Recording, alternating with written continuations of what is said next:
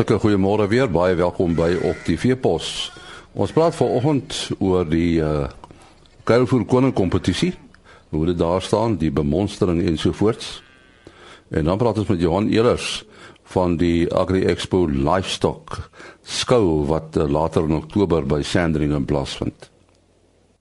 Ja, het al van tevore gehoor in die program dat die kuilvoer koning kompetisie is daar weer aan die gang. Die uh, Santam uh, kuilvoer koning kompetisie en ons uh, praat met die uh, organiseerder van die kompetisie Richard Venter.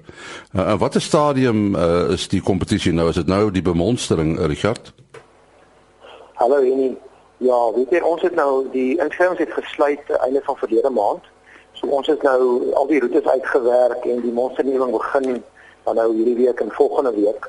So die uh, die boere kan nou verwag om om gekontak te word om al die finale reëlings met hulle te tref en dan gaan die spanne uit aan wat die monsters gaan neem op die plaas. Nou die die spanne is dan nou studente. Dis 'n uh, uh, nagraadse veekunde studente van ons uh, van 'n paar van ons hoof universiteite en hulle word dan opgelei om volgens 'n baie streng protokol hierdie monsterneming op die plase te gaan doen. En uh, as jy mens nou die kompetisie vergelyk met die vorige ene, is daar uh, meer punte wat aangedoen moet word? Uh ja, weet jy, en ons het 'n baie goeie respons gekry. Ehm um, verlede jaar was so uh net so eentjie oor die 30 inskrywings. En hierdie jaar is dit meer as 50. Uh, so ons het, ons het amper verdubbel en ons is baie opgewonde daaroor uh omdat dit wys daar is belangstelling in die bedryf en die boere en die deelnemers vind waarde in die kompetisie. Hoe werk dit nou weer presies? Skryf maatskappye boere in of uh, skryf boere self in? Uh man dis 'n bietjie van albei, dis hoofsaaklik maatskappye wat wat hulle boere inskryf. Dis dan nou enige insetverskaffer in die kuilvoerketting. Ons het gekry voermaatskappye, maatskappye wat inokulante verskaf, uh, konsultasiegroepe uh, uh en selfs uh, toerusting maatskappye het dan van hulle kliënte ingeskryf, maar daar was ook 'n hele paar van die boere wat hulle self ingeskryf het, 'n paar groot besighede wat selfs uh, meer as een banker ingeskryf het. Want ons moet onthou een inskrywing is een banker want dit gaan oor daai monster en wat daai monster vir ons uh, sê. So ouens wat dan meer as een banker inskryf het, meer as een inskrywing. En dan sal ook net enkel boere wat hulle self net vir een banker ingeskryf het. En en hoe vind die monsterneming presies plaas? Wat wat word gedoen? Reg, ja, so die studente kom dan nou per afspraak op die plaas aan en hulle gaan dan met die boere deur basies wat uh wat dan nou gaan gebeur daai oggend. Dit vat hulle so so 1 en 'n half na 2 ure van begin tot einde.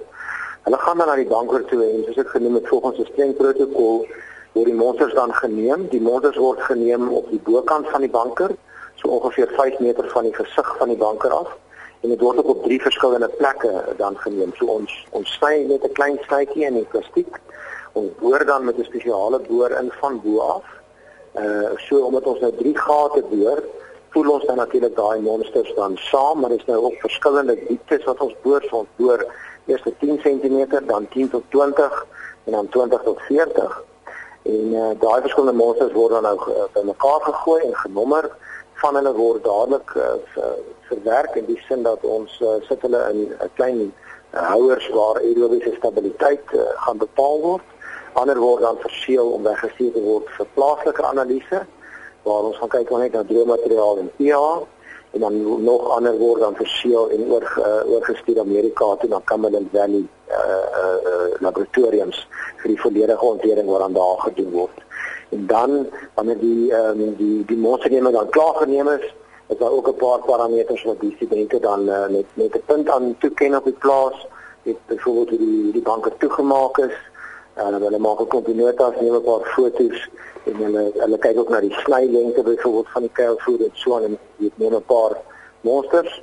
Hulle gooi ook 'n monster van die kuilvoer deur die State separator, dis vir daai skitkas wat ons gebruik om die partikelgrootte te te evalueer. En al daai goed word aangeteken en dit word alles later saam met die ontleding in 'n formule gebruik om die plaas se finale punt uh te te te bepaal. En op jou end wie is die hoofbeoordelaars? Wel die die, die aan die hoof van die protokolkomitee staan uh, professor uh, Robin Meerske daarvan uit Uniqua aan die Kaap. Hy is ons land se voorste kuilvoerkenner en 'n uh, gerespekteerde op die gebied van kuilvoer. en uh, onder hom dan in die protokol komitee is dan myself en ook 'n paar van die maatskappye wat meer as 10 uh, of ten minste 10 of meer boere ingeskryf het uh, as as deel van die uh, die die die samestelling van die kompetisie as jy soveel boere inskryf kan jy 'n verteenwoordiger gee vir die protokol komitee en en dis net 'n manier hoe ons die bedryf en die ouens wat dan op 'n groot manier deelneem uh, kan betrek en hulle insette ook kan kan kry in die kompetisie. Daar sê baie dankie eh, Richard Venter, die organiseerder van die Kuilvoer Koning kompetisie. Ons het al in die program gepraat oor die Agri Expo Livestock uh, gebeurtenis en uh, ons uh, gesels nou met die hoofuitvoerende beampte uh, dit is uh, Johan Elers. Uh, Johan, um, dit is 'n uh, interessante konsep wat julle mee besig is hierso. Is meer 'n holistiese benadering wat julle het, is ek reg?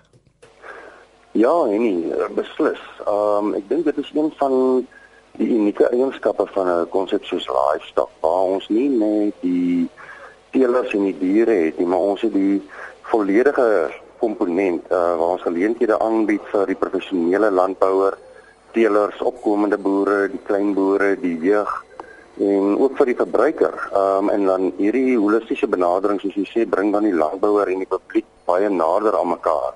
Want dit is deel van ons konsep en ons doel wat ons wil wil hê is dat die verbruiker en landbou nader aan mekaar kom en dat ons oor op die beeld van landbou verder kan bevorder. Daarom wil ons die skou arena waar die teelers kom met hulle topdiere op 'n wêreldklas maak dat dit vir hulle 'n unieke ervaring kan wees en ons wil dit werklik waar die goue beker van skouringe in Suid-Afrika maak. Ehm um, en dan terselfdertyd daarmee saam dat die verbruiker kan kom kyk en die volle waardeketting het sy van die rooivleisbedryf of die suiwelbedryf deur kan werk en kan sien iewers moet hulle sê baie dankie aan die boer vir dit wat hulle vandag kry om te eet of te drink. So so die waardeketting as sodanig gaan ook verteenwoordig wees. Beslis, beslis. En ons bring ook hierdie jaar ehm um, van die nuwe komponente in soos byvoorbeeld van die kleinvee, alhoewel hulle nie op skou is nie, maar mense gaan kan kom kyk hoe word die skape geskeer, hoe word die wol geklas, hoe word dit gespin en dan die eindproduk. Ehm um, en dit is vir ons belangrik. Uh, net soos wat hulle gaan kyk hoe word die melk, hoe word die uh, koeie gemelk, hoe word hulle gewas en voorberei vir skou en die hele komponent daarmee saam. Daar is deesdae 'n neiging nogal om die diere nader aan die skouganger te bring. Met ander woorde, in 'n sekere sin dat die die skouganger amper aan die dier vat. Werk dit by julle ook so? Ja, beslis. Ehm um, net die as jy net dink aan die gedeelte waar die diere gehuisves word. Ehm um, waar dit gewoonlik weg is van die verbruiker af um, of die publiek, maak ons dit oop. Die publiek kan deur deur die beddens wil ek amper sê van die diere gaan loop en gaan kyk waar bly hulle en gesels en interaktief wees met die teelers en die mense wat daar sou werk. Maar dan het ons ook byvoorbeeld uh ons het 'n jeugskou daar, so ons het die Mutual Federal uh, Agri Weskaap jeugskou daar, maar nie net die professionele jeugskou nie. Ons doen ook 'n jeugskou vir die kinders wat nooit nog aan 'n die dier gevat het nie, waar ons vir hulle net vinnig leer hoe skou jy 'n die dier en waar hulle dan met die bokke kan lei in 'n skouring. So dit is vir ons baie belangrik dat die mense so naby as moontlik aan die dier kan kom. Ehm um, kan kyk hoe word hy gemelk, kan vat aan hom en daai voorliefde vir dit wat in landbou is daar buitekant te kan kweek. Nou as mens aan aan daardie gebied van julle dink die Wes-Kaap, dan dink mens heel eers aan melkbeeste en ook aan skaap. Uh is daar plek vir vleisbeeste ook? Daar is. Ons is fokus op hierdie stadium fokus ons baie sterk op die suiwel komponent. Ehm um, ons het die Holsteins, die Ayrshires en die Jerseys daarso en dan het ons vanjaar die Angus, die rooi en swart Angus daar. En dit is een van die komponente wat ons in die toekoms mee sal uitbrei is ook om die uh, kleinvee te betrek. Maar wat ook vir ons belangrik is is dat die verbruiker daar buitekant kan sien wat se tipe rasse daar is en daarom het ons hierdie jaar op 'n baie groot interras kampioenskappe wat ons aanbied. Ons is genade deur van die verskillende genootskappe om te sê maar hulle wil ook betrokke raak en ons het saam met hulle besluit hierdie jaar begin ons in ons skop af met 'n interras kampioenskap. Jy weet en ons sit met Simmentaler, Hereford, Simbras, die Rooi Angus, die Swart Angus, Limousines, Afrikaners, Sussex, Spilsgouers en die Santa Catarina se van jaar daar in die interras kampioenskap wat om eintlik een van die grootste interras kampioenskappe maak wat nog aan die Weskaap aangebied is. Uh Johan, hoe belangrik is dit dat 'n mens so geleentheid aanbied in 'n uh, noem dit maar 'n uh, semi-bevolkte gebied uh en nie ver weg uh jy weet op die platteland nie. Met ander woorde dat jy nader aan die verbruiker is as aan die boere. En nie, ek dink dit is een van die groot voordele van Sandringham. Uh ons plaas baie gelees ook. Ons is net buitekant die metropool. Ehm um, maar ons is nog nie heeltemal in die landelike gebied nie. Ehm um, en dit is baie belangrik dat die stedeling kan uitry om te kom kyk daar uh presies wat gaan aan. Dit moet vir hom nie te moeilik wees om daarby uit te kom nie. Maar ons bring in 'n mate dan ook landbou na die stad toe. Uh so want ons lê net op die buitekring daarso. So dit is dis belangrik en selfs as ek vat die tipe van inligtingsdae wat ons daar het met die melkbok inligtingsdag en die vleisbees inligtingsdag en so aan. Dit is nie net vir vir die boere nie, maar dit is vir belangstellendes, mense wat meer wil leer oor 'n melkbok kan kom en hy kan by kennis in die terrein uh op die gebied kan hy kom leer en kom luister. Jy weet of dit nou Dr. Pierre Rooyen van Stamboek is of Dr. Van Malan um of die boer van die jaar, uh, die mense is daar. Um en dit is die geleentheid wat ons vir hulle gee om betrokke te raak. Goed, uh, net weer die datum is wanneer dit plaasvind. En nie, dit is 15, 16 en 17 Oktober, dis donderdag, Vrydag en Saterdag van 9uur in die oggend tot 6uur in die middag op Sandringham net die Stellenbosch langs die N1. Dan sê Johan Elers wat gepraat het oor die Agri Expo Livestock uh, byeenkoms uh, soos jy gehoor het wat 'n bietjie later uh, in Oktober plaasvind.